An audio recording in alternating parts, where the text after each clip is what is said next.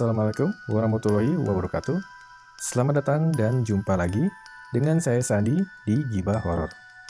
Saya ucapkan terima kasih buat teman-teman yang sudah menyempatkan diri untuk mampir dan mendengarkan cerita ini.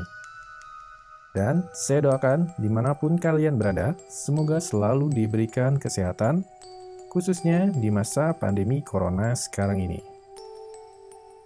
Sebelum mulai mendengarkan ceritanya, ada baiknya teman-teman sekalian mencari tempat dan posisi yang nyaman untuk mendengarkan cerita ini.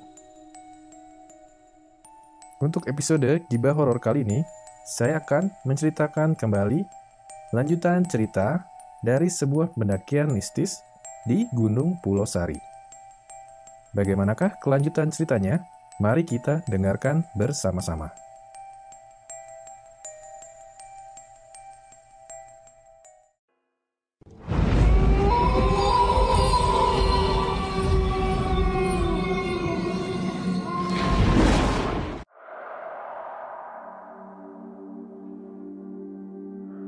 Kupejamkan mata karena tidak sanggup melihat eksekusi terhadap diriku sendiri. Tapi setelah beberapa saat, aku tidak merasakan apa pun pada leherku. Lalu tubuhku jatuh berdebam.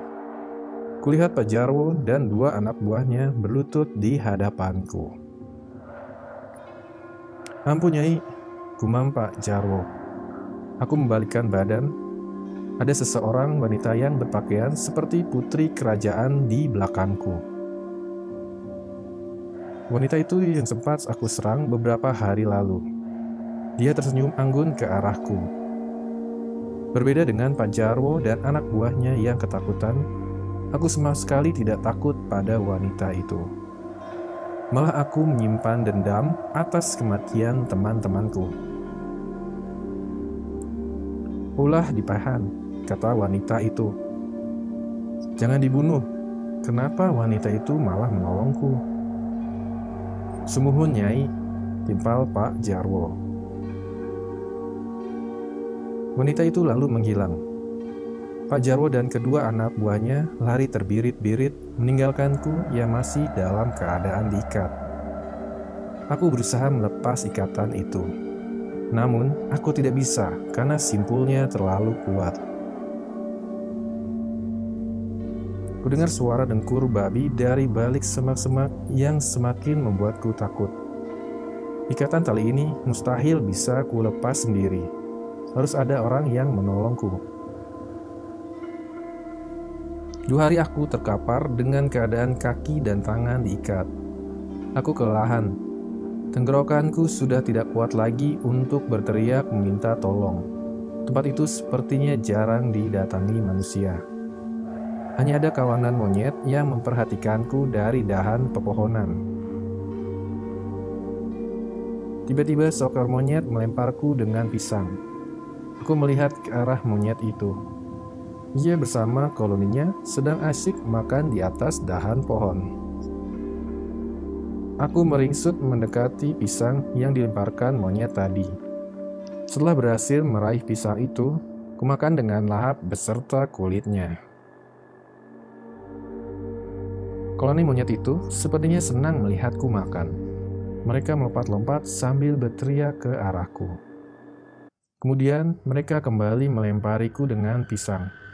Perutku sampai kenyang memakan pisang-pisang itu. Tak lama berselang, terdengar suara dari semak-semak. Aku waspada. Takutnya itu binatang buas di sekitar sini. Aku tidak tahu, mungkin saja di kuning ini masih ada macan atau beruang. Aku meringsut menjauh dari semak itu. Hai, seorang wanita menggendong tas ransel muncul dari balik semak-semak. Akhirnya, dia menghuskan napas lega. Ia terlihat kelelahan. Wajahnya juga pucat. Lu siapa? Uswah, nama gua Uswah. Udah dua hari gua nyasar di gunung ini. Dia mendekatiku, lalu melepas ikatan tali dengan pisau kecil. Lu kenapa bisa kayak gini? Perempuan itu membantuku bangun.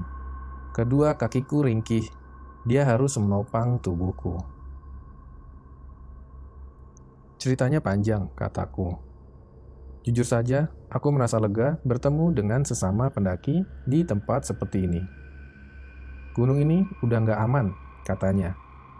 Lanjutnya, semua teman gua mati, hanya gua yang tersisa. Sama, jawabku singkat. Gila, teman-teman lu juga mati. Ia terkejut. Iya, ada satu yang saya masih hidup, tapi ia terjebak di alam jin. Oh iya, nama gua Ori. Terjebak. Ia dinikahi genderuwo. Uswah bergidik ngeri saat aku menceritakan yang dialami Mira. Aku mendongak ke langit.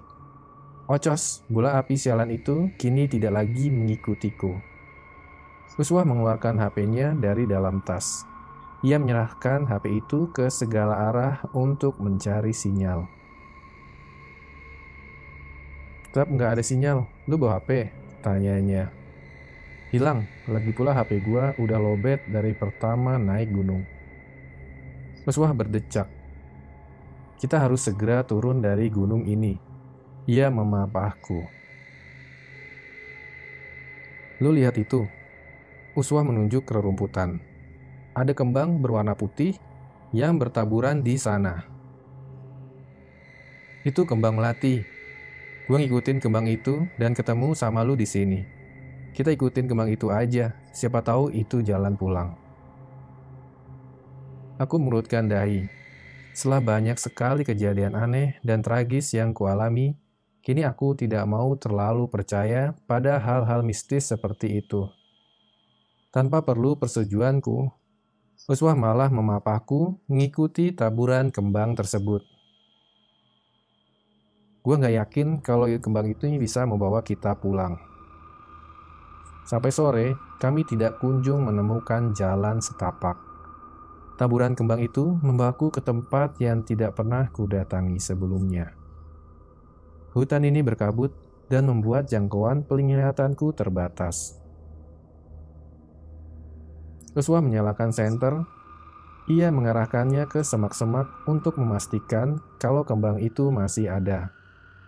Dia berhenti, kulihat wajahnya terkejut. Kenapa? Tanyaku sambil menoleh ke arahnya. Cahaya senter itu ia geserkan beberapa meter ke depan menembus sekabut yang tebal. Tampaklah mayat-mayat manusia yang terkapar di hadapan kami.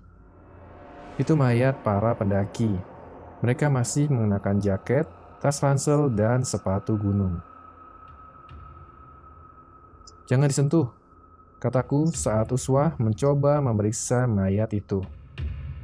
Kami melanjutkan perjalanan melangkahi mayat-mayat itu. Mereka mati dengan mengenaskan. Ada yang lehernya digorok, ada yang bola matanya hilang. Bahkan, aku melihat kepala yang terpisah dari tubuhnya.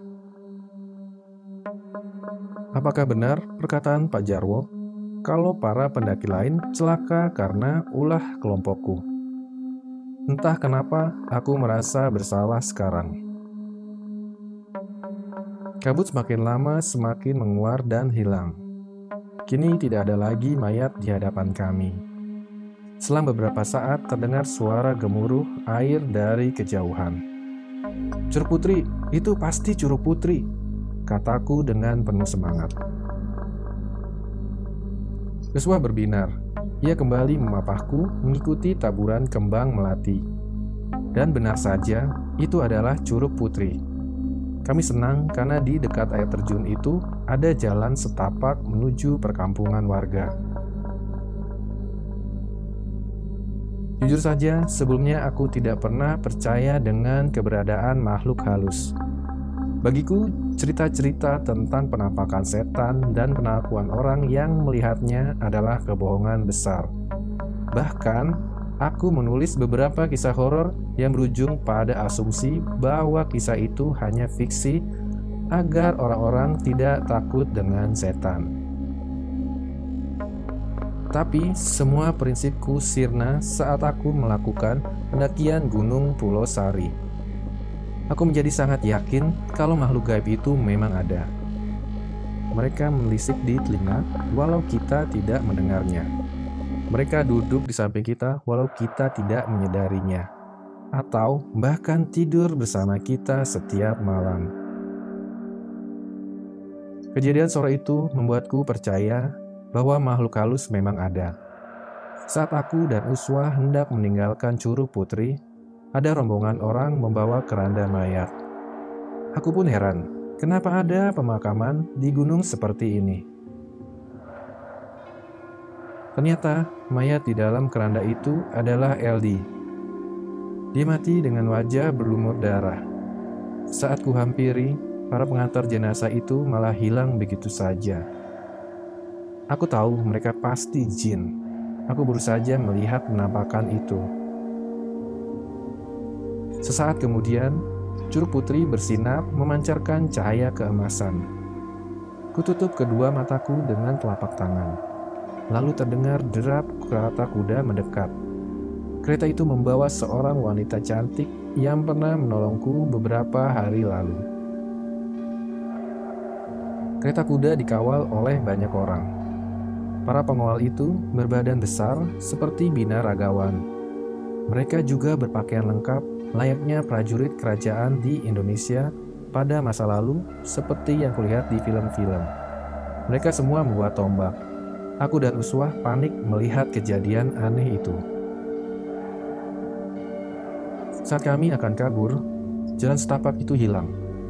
Pintu kereta kuda terbuka seolah mempersilahkan kami untuk masuk ke dalamnya. Aku menggelengkan kepala sambil menggenggam lengan Uswa agar dia tidak pengaruh. Sayangnya, yang aku khawatirkan malah terjadi. Tatapan Uswa tiba-tiba kosong. Ia melangkah perlahan mendekati kereta kuda itu. Uswah, jangan! Ku coba menahan tubuhnya tapi dua pengawal kereta malah mendorong tubuhku. Kali ini aku tidak mau lagi kehilangan temanku. Aku berutang nyawa padanya. Aku harus menyelamatkannya. Setelah Uswah masuk, kereta kuda perlahan berjalan menuju kumparan cahaya. Aku mengikutinya dari belakang. Aku berteriak memanggil-manggil nama Uswah. Tidak terasa, aku sudah berada di perkampungan warga. Para warga di sana berlutut sambil tertunduk saat kereta melintas. Di tengah perjalanan, tiba-tiba ada anak kecil yang badannya dipenuhi bulu hitam. Ia juga bertaring. Matanya merah menyala. Anak itu menghampiri kereta sambil melompat-lompat kegirangan. Di antara orang-orang yang berlutut, ada Mira di sana. Ia berteriak sambil lari kecil menghampiri anak itu. Ia menggendongnya, lalu kembali berlutut. Pakaian Mira sudah berbeda. Ia hanya mengenakan kain bermotif bunga warna coklat dan baju abu-abu yang sudah usang. Mira, Mir, Ah, syukurlah gua ketemu lu lagi di sini. Ayo Mir, kita pulang. Ada curug putri di sekitar sini. Jelas saja aku senang karena bisa bertemu Mira kembali. Enggak, Ri. Gue udah bilang, hidup gue lebih bahagia di sini. Tolong sampaikan ke om gue kalau gue udah menikah dan punya anak. Aku mundur beberapa langkah. Mira sudah tidak bisa dibujuk lagi. Kereta kuda semakin menjauh. Segera aku lari mengejar kereta itu sambil terus memanggil nama Uswah. Tibalah aku di sebuah keraton yang megah. Ada dayang-dayang keraton yang menyambut kedatangan kereta kuda. Mereka menari-menari sambil terus tersenyum. Aku ikut masuk ke dalam keraton tersebut. Di halaman keraton, Uswah turun dari kereta. Ku coba menghampirinya, tapi langkahku dihalangi para penjaga. Uswah dituntun oleh wanita cantik itu ke sebuah kolam kecil yang terletak persis di depan singgah sana. Uswah melucuti pakaiannya, lalu mandi di kolam kecil itu. Wanita yang dipanggil ratu menoleh ke arahku. Dua penjaga kemudian menggenggam lenganku. Mereka menyeretku dengan paksa untuk mendekati sang ratu. Semua bajuku dilucuti. Aku dipaksa mandi di kolam kecil itu. Setelah selesai, aku dan Uswah mengenakan kembali pakaian kami. Kami lalu dibawa ke sebuah ruangan yang indah. Di sana sudah disiapkan berbagai hidangan lezat. Sang ratu menyuruh kami berdua duduk dan makan bersama. Tidak ada pilihan lain. Aku harus menuruti maunya. Kalau tidak, para penjaga di belakangku bisa saja menebas leherku. Makanan yang disajikan terasa enak sekali ada ayam bakar, kambing guling, buah-buahan segar, serta makanan lainnya. Uswa makan dengan lahap. Tidak ada obrolan di meja makan. Sang ratu memandangiku sambil terus tersenyum. Tapi itu membuatku semakin merinding. Setelah hidangan habis, sang ratu membawa kami ke halaman keraton di sana ada para dayang yang sedang mandi. Mereka semua cantik-cantik. Saat aku melintas, mereka curi pandang kepadaku sambil tertawa kecil. Di halaman keraton itu ada sebuah kuburan. Gundukannya ditata rapi dengan bebatuan yang ditumpuk. Di batu nisan itu tertulis Sultan Maulana Hasanuddin. Aku ingat dia adalah pendiri Kesultanan Banten. Berziarahlah, kata sang ratu. Aku dan Uswah duduk di samping kuburan itu. Aku membaca doa sebisaku di dalam hati. Kalian punya waktu sampai besok pagi untuk keluar dari gunung ini. Pulanglah, esok pagi akan ada longsor besar di gunung ini. Sang ratu menunjuk ke arah dinding. Dari dinding itu tampaklah jalan setapak Aku dan Uswa berjalan ke arah dinding. Ajaibnya, kami tiba-tiba berada di sebuah jalan setapak. Ini pasti jalan pulang. Kami harus segera keluar dari gunung ini sebelum longsor itu terjadi. Aku tidak tahu kenapa sang ratu malah menyelamatkan kami berdua. Berbeda dengan para pendaki lainnya yang mati dengan sangat mengenaskan. Aku dan Uswah malah diberi makan sampai kenyang, dan sekarang dikasih jalan untuk pulang. Itu sangat aneh. Jalan yang kami tempuh terus menurun. Tidak satu pun pendaki yang kami temui. Jalan setapak itu sepi. Padahal, kata Ricky, orang-orang lebih suka mendaki di malam hari ketimbang siang. Aku curiga kalau akses ke gunung ini sudah ditutup. Uswah berhenti. Ia memegang lutut, tampak sangat kelelahan. Dari tadi, kami memang berlari kecil agar cepat tiba di perkampungan warga. Aku rasa perjalanan ini masih jauh. Kami bahkan belum sampai ke perkebunan pisang warga. Biar gue yang bawa tas itu. Aku membuka tasnya. Kami kembali melanjutkan perjalanan. Namun, kali ini tidak berlari. Aku kasihan pada Uswa yang seolah tidak sanggup lagi untuk jalan. Tidak lama berselang, akhirnya kami tiba di perkebunan warga. Kulihat banyak sekali kawanan babi yang menyerang kebun itu. Kami tidak mau mengambil risiko dan membiarkan kawanan babi itu merusak kebun pisang. Semakin lama, akhirnya aku melihat gemerlap cahaya lampu dari rumah-rumah warga. Kami berdua sangat senang sampai meneteskan air mata. Aku tidak menyangka kalau aku bisa bertahan hidup selama berhari-hari di gunung ini. Sekitar jam 3 dini hari, kami akhirnya tiba di parkiran motor. Kudapati masih banyak motor yang terparkir di sana. Tapi anehnya, pos itu sepi. Tidak ada satu orang pun yang berjaga di sana. Segera kukeluarkan motorku dari parkiran, lalu pergi dari pos itu. Saat tiba di perbatasan kampung, kami dicegat oleh tiga orang lelaki berbadan kurus tinggi. Aku kira mereka sedang ronda, tapi ternyata bukan. Mereka sengaja menutup akses jalan itu. Kami disuruh turun dari motor. Mendaki ya?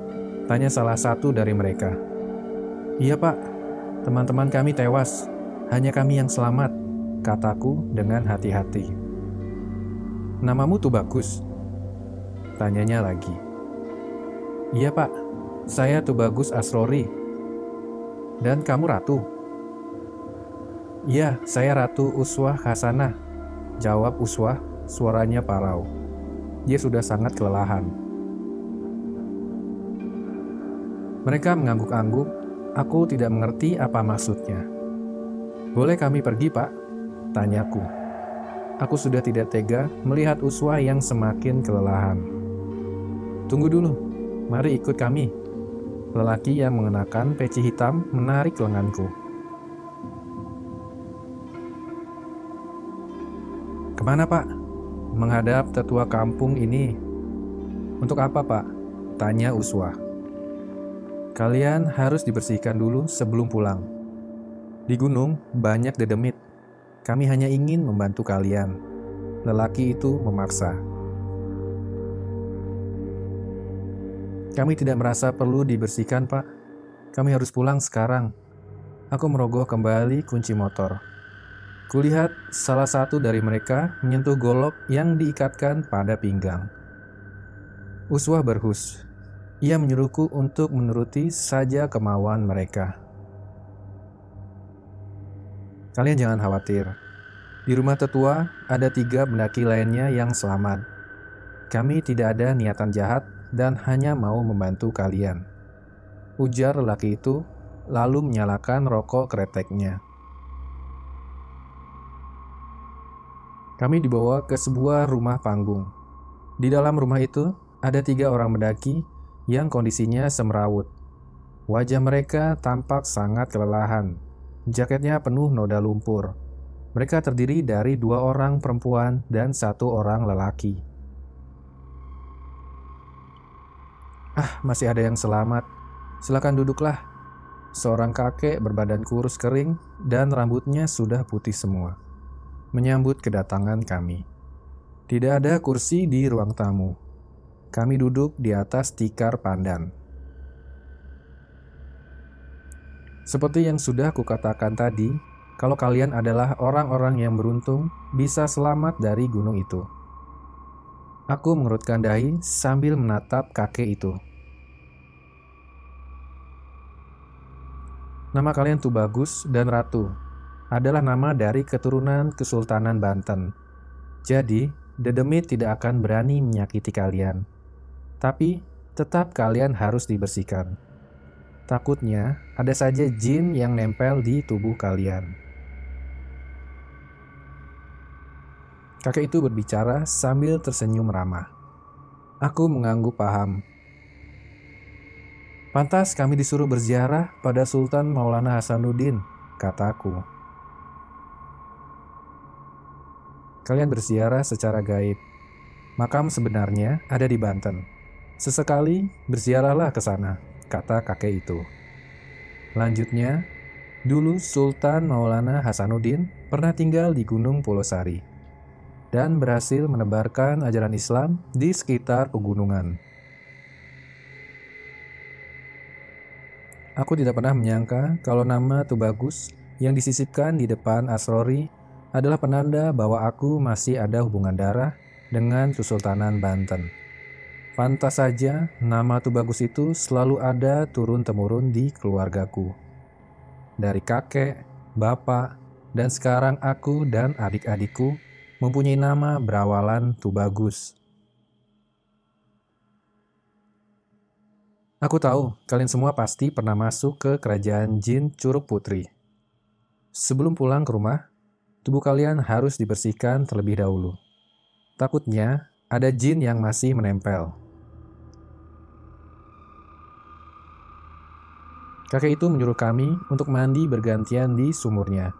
Sumur itu sudah ditaburi bermacam-macam kembang. Aku merasa sangat segar ketika air itu menyentuh tubuhku.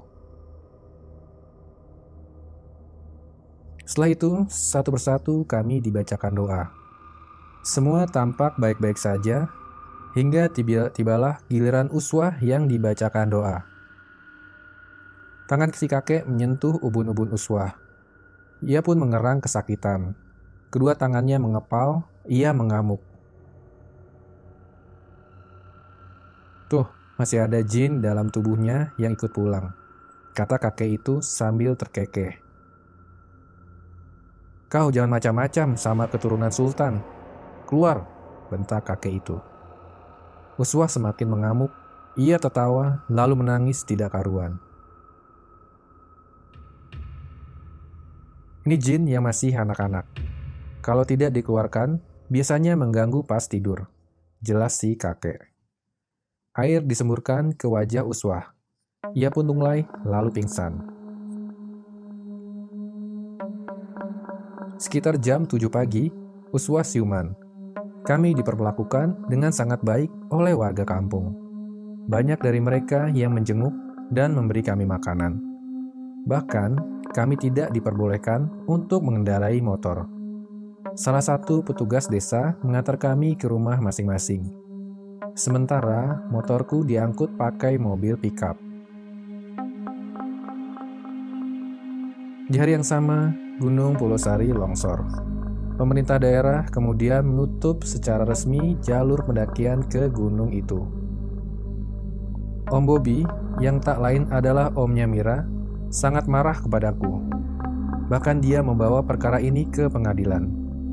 Ia menganggapku lalai menjaga Mira. Untung saja aku bebas dari tuntutan karena aku termasuk korban yang ikut hilang dalam pendakian. Tidak ada bukti kuat kalau aku menyakiti, bahkan membiarkan Mira celaka. Om Bobi yang keras kepala malah berniat mendaki Pulau Sari untuk mencari Mira. Dia tidak rela kehilangan orang yang sudah dianggapnya sebagai anak sendiri. Setelah kejadian di gunung, aku mengalami trauma. Aku sering berdiam diri di rumah. Aku tidak menyangka kalau aku masih hidup. Andai saja namaku bukan Tubagus, mungkin saja aku sudah mati di gunung itu. Tak ada kabar tentang pencarian Mira. Juga para pendaki lain yang hilang. Walau tim SAR sudah berusaha, tapi sampai saat ini pencarian itu masih belum membuahkan hasil. Aku tahu kalau Mira memang masih hidup di sana. Ia berdampingan dengan Jin. Dan aku yakin Roeldi dan Ricky juga terperangkap di sana. Mereka mati dengan tidak tenang. Aku tidak menyangka sebuah kecerobohan kecil bisa berakibat sangat fatal. Walau aku sudah berhasil keluar dari gunung itu, tapi mimpi buruk tentang gunung itu kerap kali menghampiriku. Dalam mimpi, aku pernah bertemu dengan Mira. Dia terlihat sangat bahagia dan sudah punya 50 anak. Aku selalu membujuknya untuk pulang, tapi dia tetap tidak mau. Dalam mimpiku juga, aku pernah bertemu dengan Eldi. Ia menjadi budak para jin gunung. Aku melihatnya sedang bekerja memecah bebatuan besar menggunakan palu besar. Kalau dia lelah dan berhenti, maka sosok makhluk dengan lidah yang menjulur ke tanah akan mencabuk punggung Eldi. Aku menangis melihatnya seperti itu. Aku juga bertemu dengan Ricky dalam mimpi. Yang terjadi dengannya sangat berbeda. Kulihat rohnya sepanjang hari dan malam selalu duduk di bawah pohon besar. Tatapnya kosong, wajahnya terlihat sedih. Bahkan ia masih mengenakan jaket dan tas gunung. Dalam mimpi itu, aku sempat menyapanya. Ricky, sapaku. Dia tidak menjawab. Menoleh pun tidak sedikit pun. Rick, aku menyentuh pundaknya. Tiba-tiba ada air liur yang menetes di tanganku dari atas pohon. Aku mendongak. Di dahan pohon besar, ada sosok wanita yang badannya mungkin sebesar kerbau. Ia mengenakan jubah merah, wajahnya hitam, serta air liur menetes-netes dari mulutnya. Sosok wanita itu lalu menjulurkan rambutnya yang panjang. Ia melilit leher Ricky dengan rambut itu, kemudian mengangkatnya ke atas pohon. Aku menggapai-gapai tubuh Ricky, tapi tidak berhasil. Dia menjadi mainan makhluk menghuni pohon. Ricky diciumi oleh makhluk itu. Air liurnya yang bau dan lengket membasahi wajah Ricky. Mimpi-mimpi buruk itu terus datang hampir setiap malam. Bahkan, aku pernah melihat para mendaki yang rohnya menjadi kawanan monyet. Mereka berlarian dari dahan ke dahan pohon lainnya. Dari semua mimpi itu, dapat kusimpulkan kalau para pendaki di Gunung Polsari yang tidak selamat akan menjadi budak jin di sana.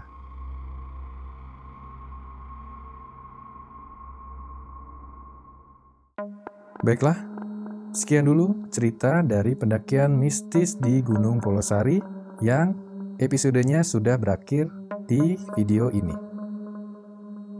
Terima kasih buat kalian yang sudah mendengarkan episode Gibah Horor kali ini. Dan tetap semangat, tetap jaga kesehatan. Sampai jumpa lagi di episode Gibah Horor selanjutnya. Assalamualaikum warahmatullahi wabarakatuh.